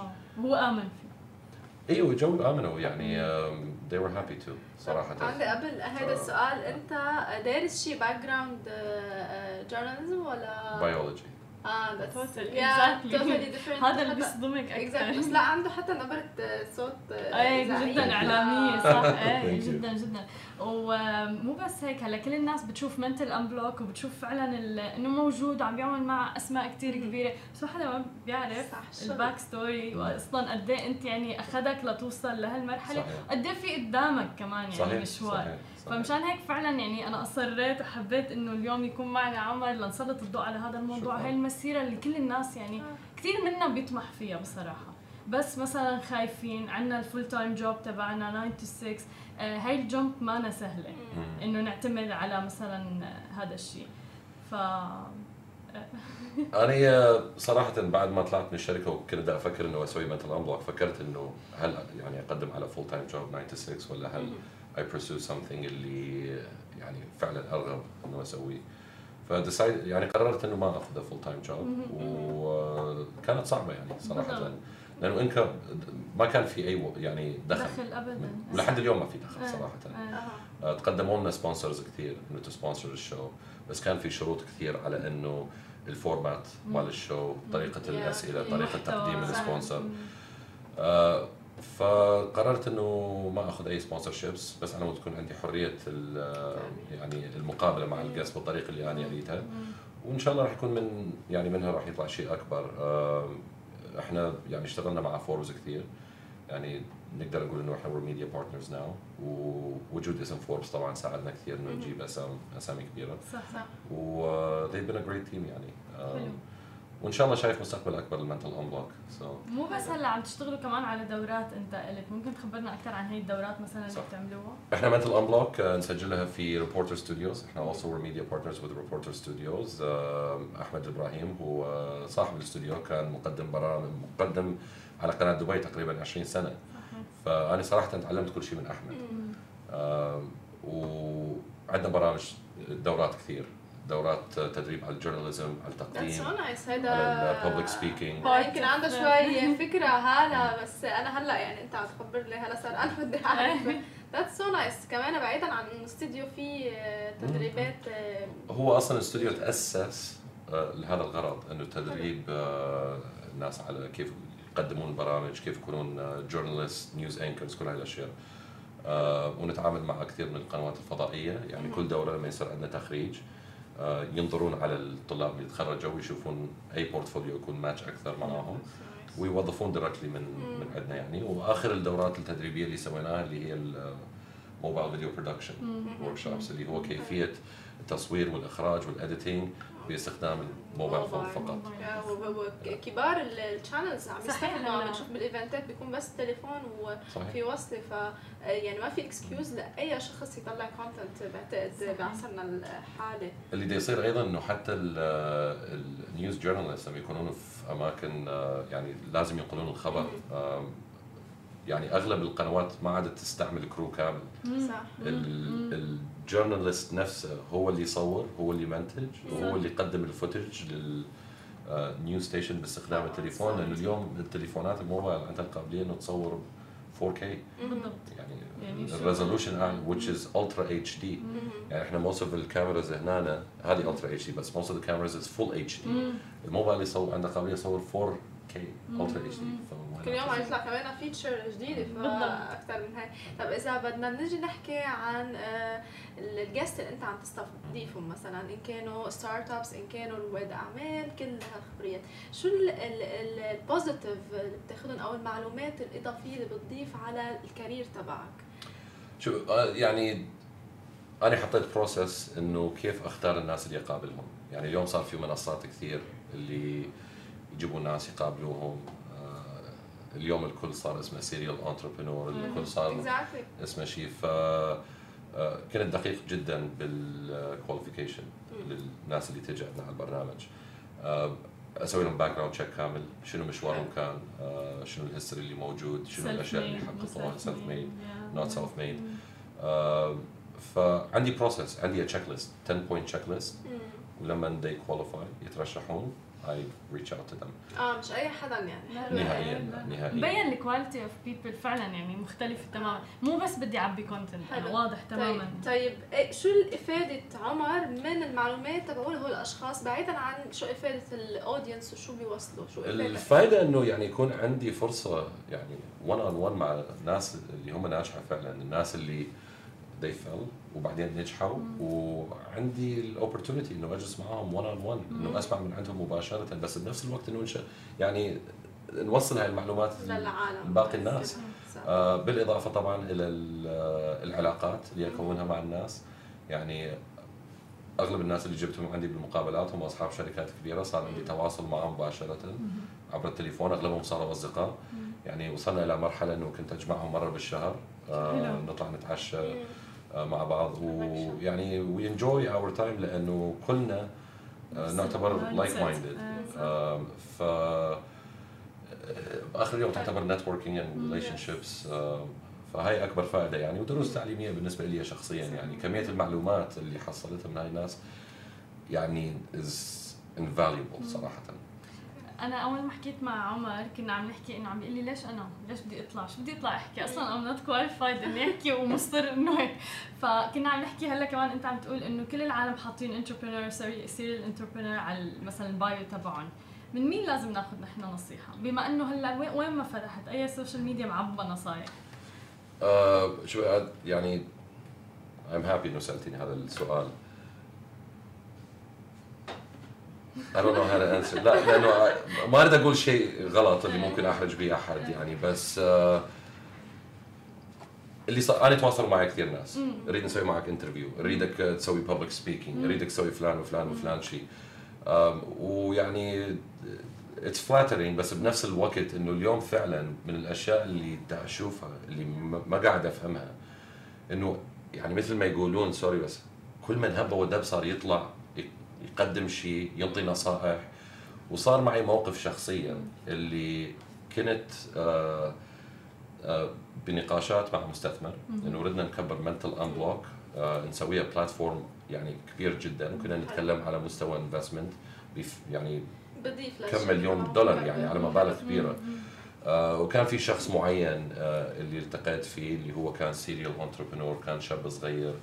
آه واخترع كذا platform و application و إلى آخره. وصراحه يعني آه كان impressive آه لما جلست مع ال investor وعرفت عليه بعد ما خلصنا الاجتماع قال لي إنه أنا ما كنت متوقع هذا الشيء راح يصير. أنا عارفك already أنا already interested ليش دخلت هذا الشاب قلت له I think there's a lot of value to offer. فقال لي ما في مشكلة بس طبيعي if we're talking about a few million dollars لازم أسوي يعني background check due diligence قلت له okay قال لي انطيني يومين ثلاثة رجع لي بعد بنفس اليوم بعد ساعتين. قال لي ممكن تبعت لي ال online platforms أو ال applications عشان يعني اي كان سي ات للشخص اللي معي للشخص. كلمت الشخص آه وباختصار آه الأجوبة كانت إنه هذا ال platform بعد ما خلص هذا ال platform بعد ما أدري شنو.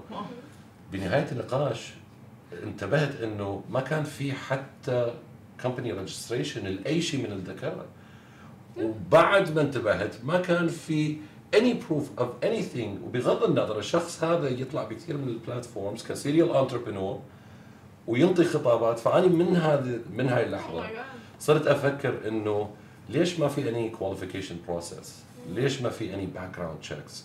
يعني اليوم المنصات صارت موجودة متوفرة للكل والكل يقدر يجي ويتكلم وهي كان يعني relay information بس I think إنه يعني في مسؤولية معينة على الناس اللي تنشر هذا ال content إنه ت do background check ويتأكدون من هاي الاشياء فردت أتأكد أنا شخصيا إنه إذا أحد طلب مني إنه أطلع أقدم شيء اولا أريد أتأكد إنه أنا وصلت مستوى نجاح أو حققت أشياء معينة في حياتي اللي أنا فعليا يعني فخور بها as of now الحمد لله يعني ال process has been good بس يعني بعد أعتقد إنه في عندنا مشوار طويل قدامنا.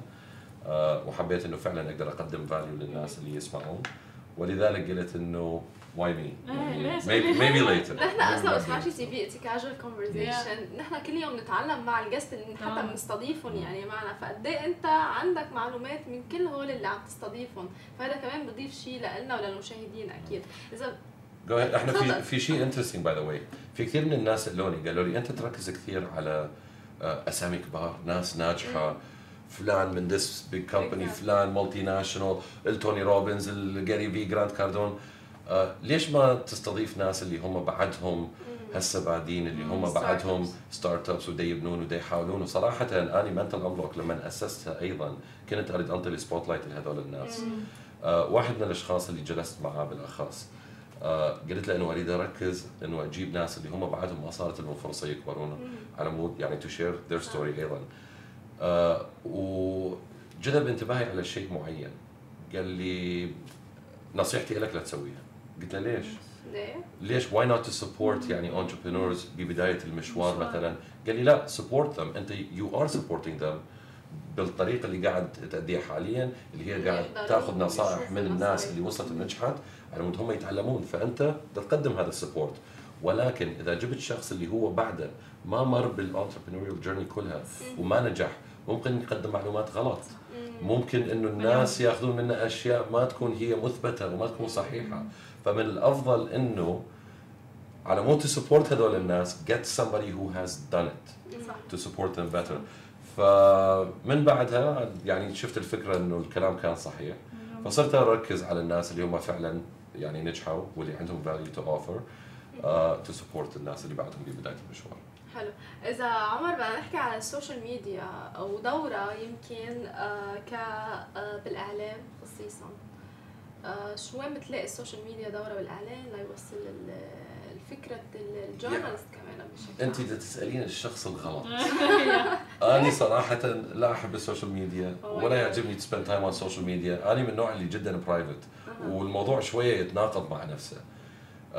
موضوع إنه صرت يعني a lot of people صاروا يسموني public figure مثلا or something. بحياتي ما حبيت أكون public figure. ما أحب ال spotlight by the way أنا هسه قاعد أسوي كثير من ال events talking to hundreds if not thousands of people. Yeah. يعني كان عندي event بالفجيرة هذاك اليوم الفجيرة ماراثون قعدت أخاطب 3000 شخص تقريبا. ما بحب believe it or not. لا I don't like the spotlight yeah, and I'm uncomfortable in front of cameras and uh, oh audiences. دعم ال interview لحاله شغل وجهد I am uncomfortable. I'm an introvert believe it or not يعني. I like to keep to myself. أحب الخصوصية. ما أحب إنه أكون يعني قدام الناس. وصارت يعني سبحان الله. يعني هذا ما كان شيء إنه أنا متوقع. هي it just happened يعني. بس من ناحية السوشيال ميديا أنا من النوع اللي يحب الخصوصية. فأي شيء أحطه أنا ما عندي channel خاص لعمر ك social media. بس عندي ك Mental Unblock والأشياء اللي احطها على ال Mental Unblock هي فقط اللي تخص Mental Unblock أو anything career related طب يعني. هلا بهذا الأيام بتحس لا لازم و specially بال career تبعولك يعني لازم لازم, لازم لا. ولا. هل ممكن تساعد أو تضيف value؟ yes آه بس لا ما لازم. مثل ما قلت إنه يعني منصة Unblock اذا تشوفيها اليوم حتى ما بيها هال following يعني I think على الانستغرام بعدنا ما وصلنا 5000 follower ما وصلنا 5000 follower ونرجع نقول يعني كثير من الناس قالوا لي كيف أنت تريد تتواصل لفلان وفلان وفلان ويجون عندك إذا ما عندك هال exposure توني روبنز جبناه لما كان عندنا 4200 follower بس. يعني الارقام آه. ما بهم على ال content لا هي تساعد. هي تساعد بس إنه هي تكون أساس؟ آه أساس تقرر مدى نجاح الشخص أو الأشياء اللي ممكن تحققها؟ نهائيا لا.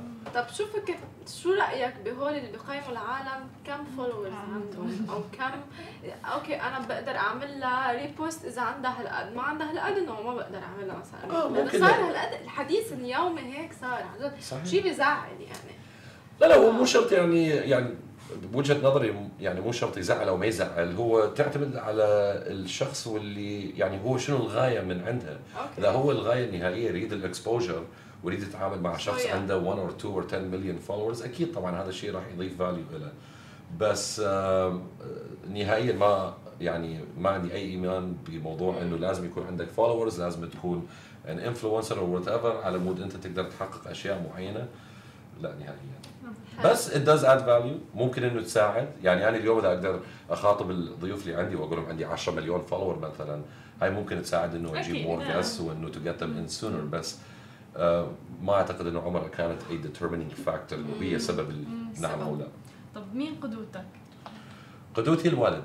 والدي آه وما أعتقد إنه عمري قلت هذا الشيء بس القدوة عندي هو الوالد يعني. والوالدة لازم نذكر الوالدة ولا تزعل.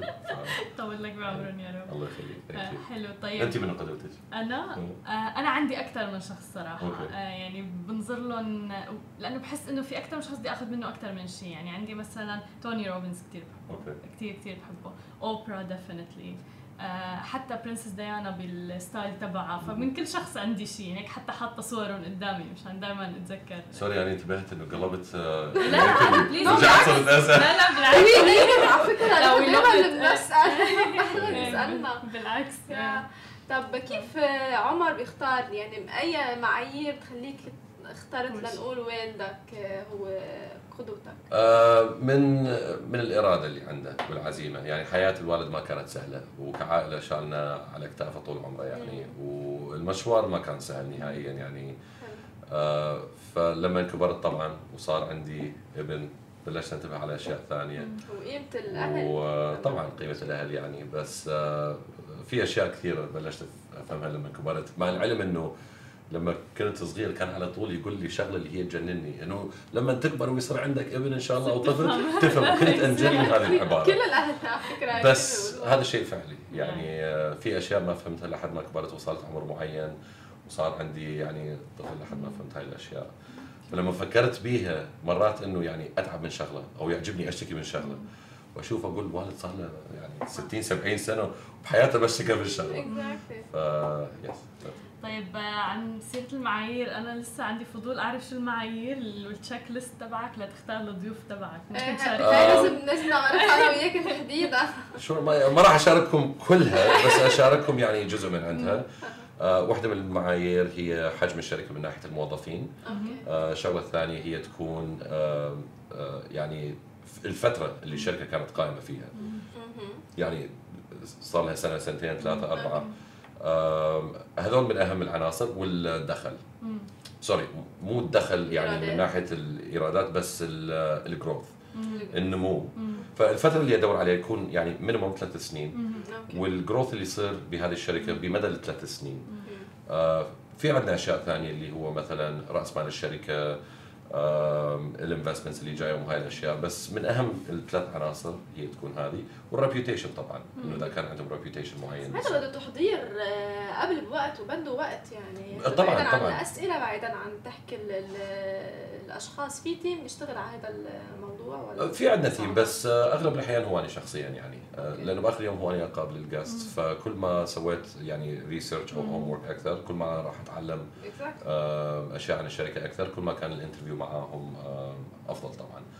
فهاي الأشياء يعني أسويها طب إذا بدنا نحكي ب tips and tricks هيك تعطينا إياها للمقابلة للأسئلة لل research حتى. ممكن تعطينا واحدة من أكبر الأخطاء اللي كنت أسويها لأنه أنا ما كان عندي أي تدريب أو training formal بالمقابلات، من أكبر الأخطاء اللي سويتها لما ال guest كان يتكلم كنت على طول عشان أوافقه بالرأي أقول أها yes وهذه الأشياء كانت كانت تطلع كثير بال sound bites. لما كنت أحاول آخذ كليب معين إنه نحطها على ال social media مثلا يكون عندنا كليب اللي هو جدا motivating أو شيء لطيف. الكاميرا تكون على ال guest وهو قاعد يتكلم.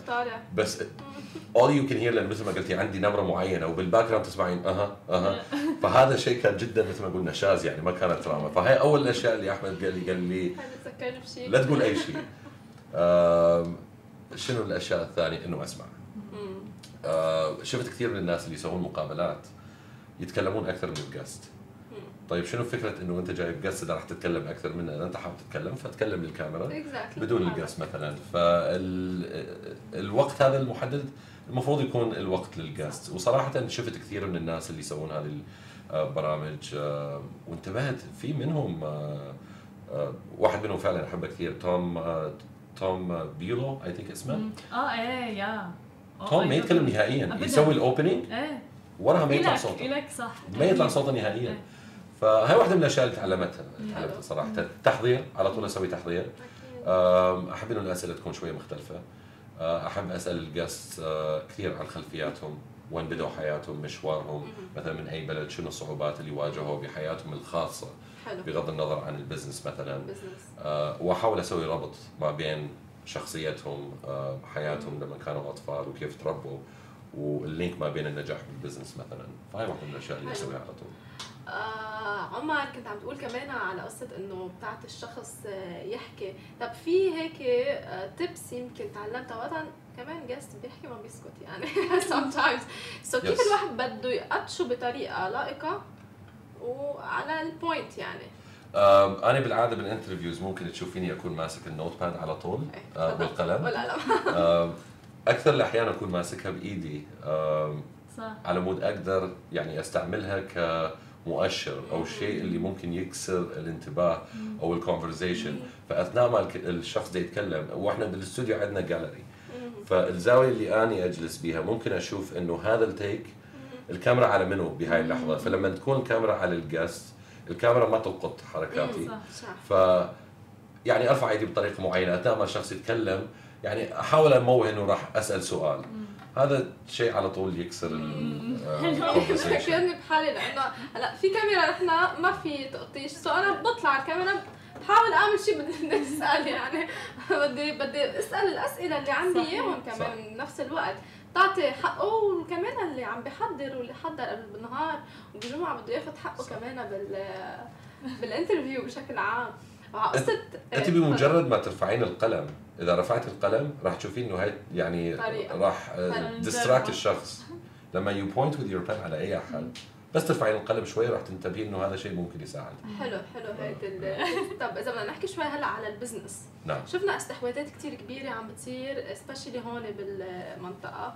وأنت كل ال information عم تعطيني اياه النصايح وهيك. هل آه، سألت يمكن آه، عالميين guest اجوا لعندك عن أو حتى هون بالمنطقة العربية على الاستحواذ الكبير اللي صار بين اوبر وكريم وبين آه، كمان سوق دوت كوم وأمازون؟ لا بس إحنا حاليا يعني عندنا بال pipeline نخطط على interviews معاهم. فراح أفوت. بكل التفاصيل على هاي الاستحواذات يعني. tune يس إن شاء الله. يعني مع رونالدو من آه، سوق دوت كوم. formerly وأمازون. وإن شاء الله مع مدثر from كريم. بس قاعد نسوي تحضيرات معينة. so nice لكن لكن هلا وعد بدك توعد المشاهدين إنه بعد ما تصيروا معنا interview عمر بده يجي لعنا ويحكي لنا ال experience وشو حكوا. تحديدا done أكيد وعد وإذا حبيتوا تجون على الاستوديو تحضرون. ال interviews هناك فاهلا أكيد وسهلا أكيد. أكيد لأنه عن جد هذا الاستحواذ بمبالغ كثير عالية يعني صحيح. ضل كذا شهر العالم كلها تحكي. فيه صحيح وعائدات كثير positive specially إنه طلعوا من مدينة دبي سوق صحيح. دوت كوم أو حتى آه، كريم صحيح وحاليا I'm working on something مع واحد من أصحابي اللي هو يشتغل بدائره الأراضي اسمه محمود البرعي sorry مع محمود البرعي اللي دا يشتغل على كتاب و project لطيف جس جدا اسمه made in دبي حلو. والفكرة إنه هي from Dubai to the world يعني That's اللي من so. ضمنها المفروض تشمل كريم وأشياء ثانية. بس آه، اي استحواذ آه، كريم 3.5 بليون دولار طبعا يعني. كبير. مبالغ ضخمة جدا. هيوج طب عم تحكي لنا أنت عن مشاريعك. خلينا خبرنا شو مشاريعك المستقبلية؟ أو وين بنشوف عمر و Mental Unblock من هون مثلا لعشر سنين؟ Mental Unblock إن شاء الله آه، في برنامج كنت أشوفه آه، من زمان برنامج عالمي اسمه 60 minutes ما أعرف إذا حاضر أو لا. حبيت Mental Unblock يكون يعني على مستوى 60 minutes مثلا بال Middle East اللي هي قابل بها أكبر الناس وأكبر الشخصيات اللي ممكن حتى توصل كرؤساء دول أو بلدان. آه، إحنا لما بدينا Mental Unblock حطيت starting point وحطيت ما أريد أسميها ending point بس. فعلا بوقتها قلت إنه إذا وصلت لهي المرحلة فأني خلاص ممكن إنه بعد أقعد ممكن حتى أحط شخص ثاني إنه هو يكمل آه. منتل انبلوك وأني خلاص أعتبر نفسي اي ريتش السكسس اللي أريده مين هي آه، ال- آه، الشيخ محمد المكتوم إن شاء الله أنا on my list Uh, that's where I wanted to get. Yeah. Maybe the ultimate entrepreneur or something like لا that. So, تعمل آه، مقابلة. مقابلة مع الشيخ محمد المكتوم. آه حلو إن شاء الله تماما. أنا فعلا حاطة على الليست تبعي يعني الأشخاص بعدين آخر شيء قلت خلص شاء الله إيه، تعملوا خلص. هيك. تعمل الانترفيو هي أكيد لنا حاطة تحط شرف. الأهداف يعني أمامك لفعلا إنه توصلي لها. فحاطة إنه يعني حتى محمد العبار كذا هيك الأشخاص اللي اعمل معهم الانترفيو ف يعني كانت الستارتنج بوينت خلينا نقول هلأ جاري و إن شاء الله طب برأيك. الشغف عمر الشغف قد إيه آه، سر نجاح؟ الشغف. عشان آه أوكي. آه طبعا هو عامل مهم جدا. آه بس أهم من ال passion I think هي الإرادة. آه ولما نقول إرادة القابلية على عدم الاستسلام.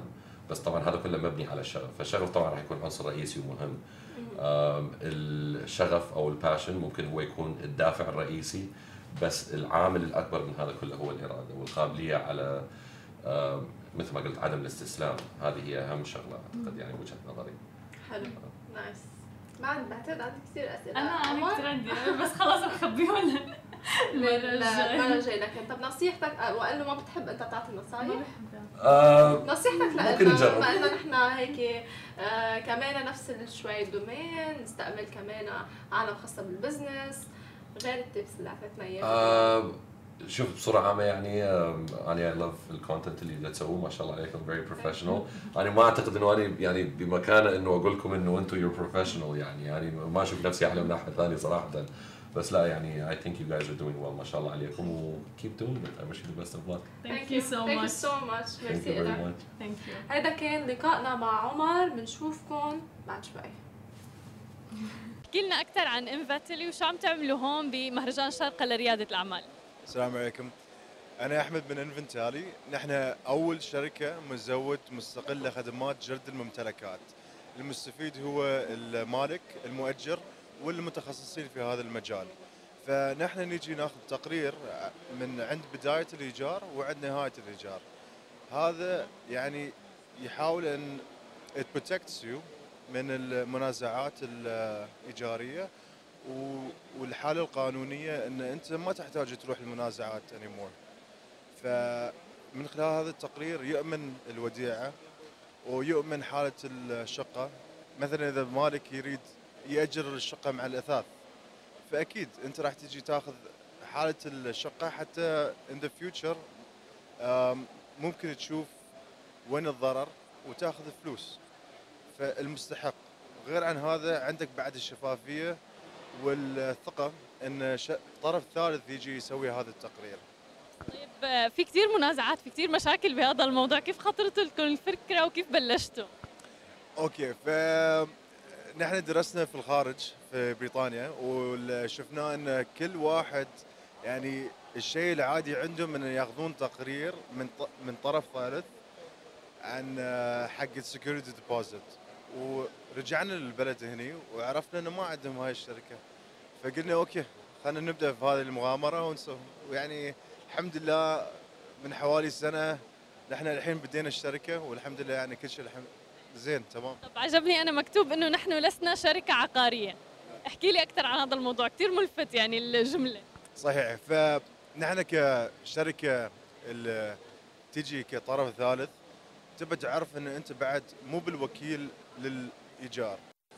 آه، فهذا يعني يعطي طبع للإنسان إنه هو مثق في طرف ثالث يجي بدون أي conflict of interest وهاي النقطة اللي نحن نريد نتحسن فيها إن نحن نجي without any conflict of interest. يعني بتوقع هيك بتزيد الثقة فيكم أكثر كمان لأنه إذا أنتم حستوا لأي طريق كان في انحياز لأي فريق من الموجودين يمكن المستأجر أو حتى الشركة ما تثق فيكم كثير آه، هل في إقبال على هذا الموضوع؟ كيف شفتوا العالم يعني صدى الموضوع معهم؟ ف I mean it's no brainer يعني الإقبال في أوروبا it's it's happening naturally. لكن في الدول الخليجية يحتاجون إن يتعلمون عن ال product وبعدين بيقولون okay نستعملهم أو ما نستعملهم.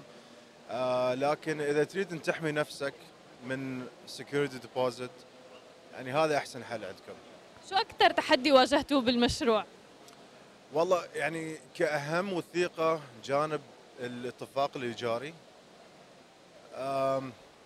القانون حول الموضوع يعني هاي أهم موضوع اللي موجود فيه.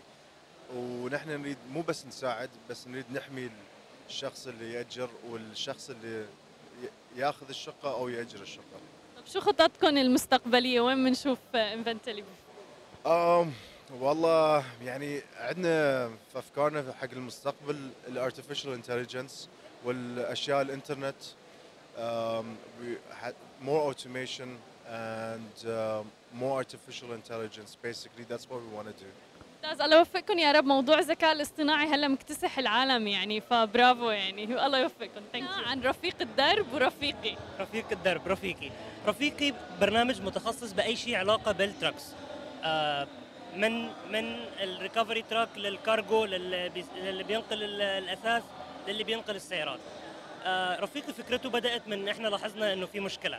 مشكلة مش بس في الإمارات مشكلة في ال region كله إنه you have two options لو بتنقلي أثاث أو بتنقلي سيارة أو محتاجة أي نوع من أنواع ال trucks يا إما شركة من الشركات الغالية not to name أو إنك تتعاملي مع ال individual contractors مع واحد عنده سيارته بيشتغل عليها. آه، مشكلة اللي عنده سيارة بيشتغل عليها اللغة آه، الأماكن اللي بيكون فيها في أماكن مش سهل إنه آه، للسيدات إنها توصل لها. أماكن مثلا آه، تكون ساحة parking فاضية بيكونوا واقفين فيها الشاحنات.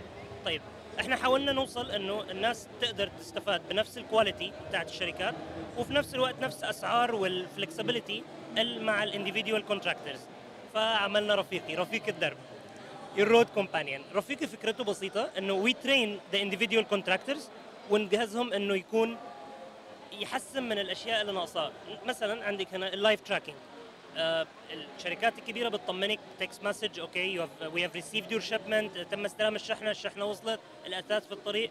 عندك هنا live tracking من أول ما تطلبي ال truck لحد ما توصل you know إنه وين مكان ال truck fixed cost مشكلة إنك تتعاملي مع individual contractors الأسعار. أنا كعربي مثلا ممكن سعري يكون أفضل من سعر حد ما بيعرفش يتكلم عربي. اللي بيتكلم هندي عنده advantage أكثر وأكثر بيقدر يجيب سعر أقل. هنا fixed cost per kilometer و per الوقت اللي أخذنا فيه ال truck ما فيش فيها آه إنه تحكم بين ال truck driver أو بين ال consumer لأنه again الرفيقs ال drivers they're our partners وال consumer is our client so إحنا بنحاول نسعد الاثنين. schedule later working community زي دبي. ال region بشكل عام أغلبنا هنا working expats مشغولين مشغولين مشغولين. ونقدر نحجز next week. Up to 7 days you can schedule your trip. uh, مش حتى بس الأثاث حتى السيارات. أنا سيارتي عايز أوديها service next week. أعمل schedule later أحدد إمتى السيارة ال service أخلي المفتاح في السيارة ياخذوا السيارة يوديها المكان ويرجعها.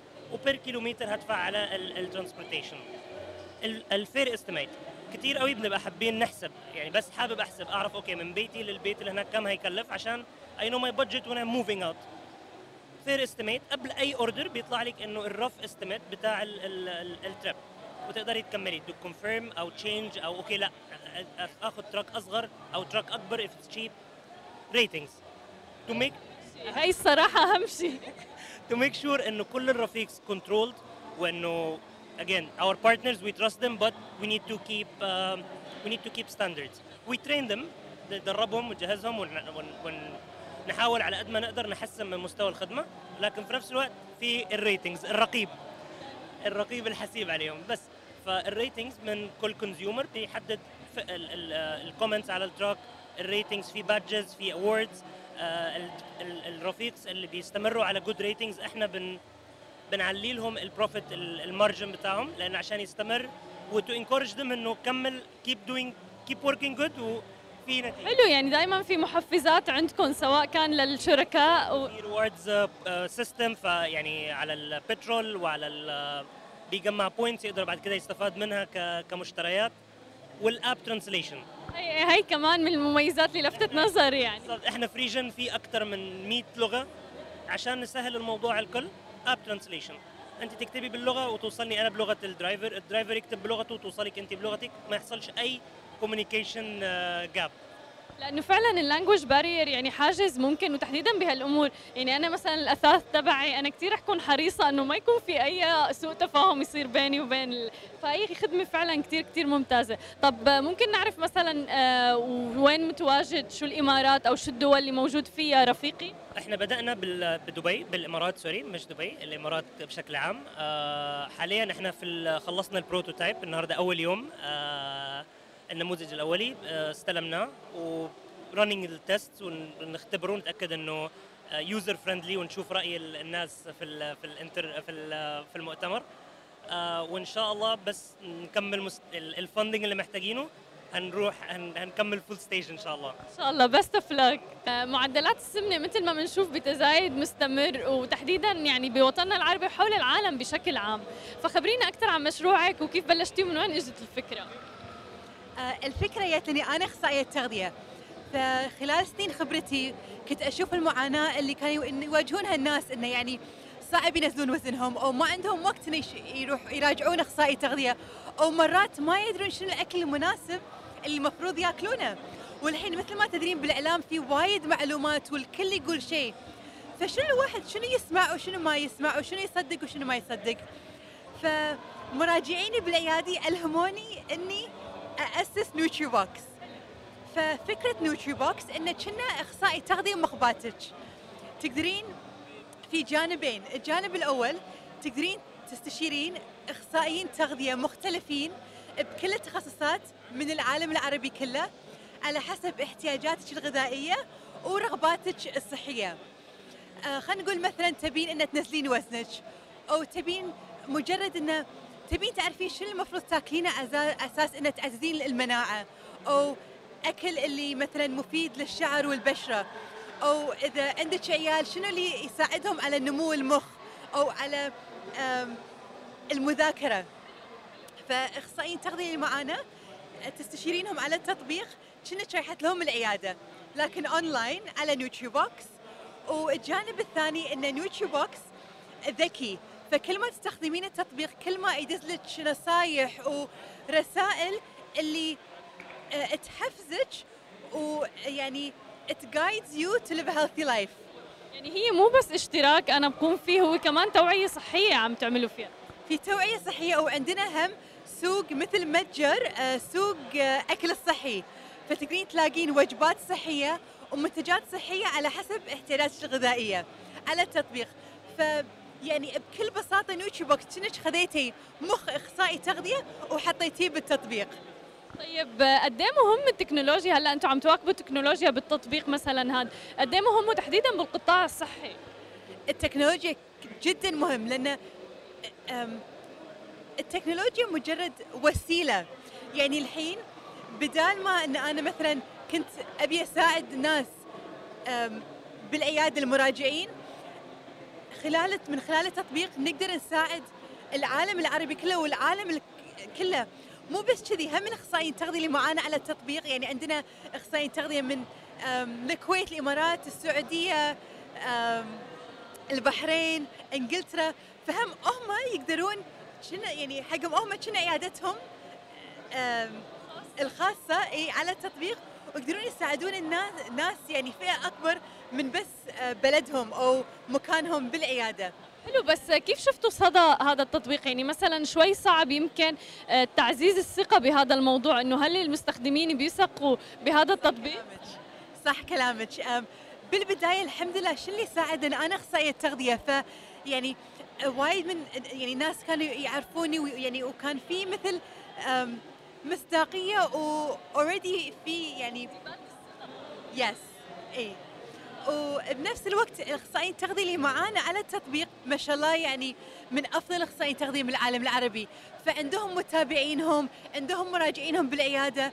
فهالشيء آه، يزيد الثقة بالتطبيق.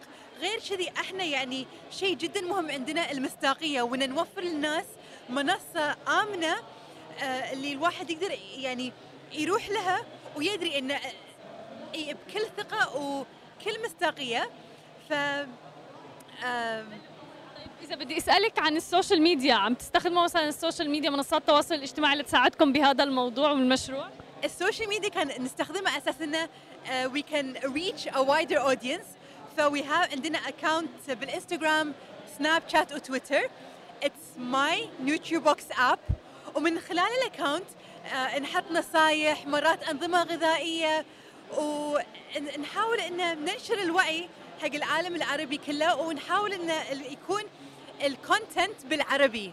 حلو هذا الشيء كثير حلو وهذا الشيء كثير نحن سعيدين فيه بسماشي إنه ال content بالعربي.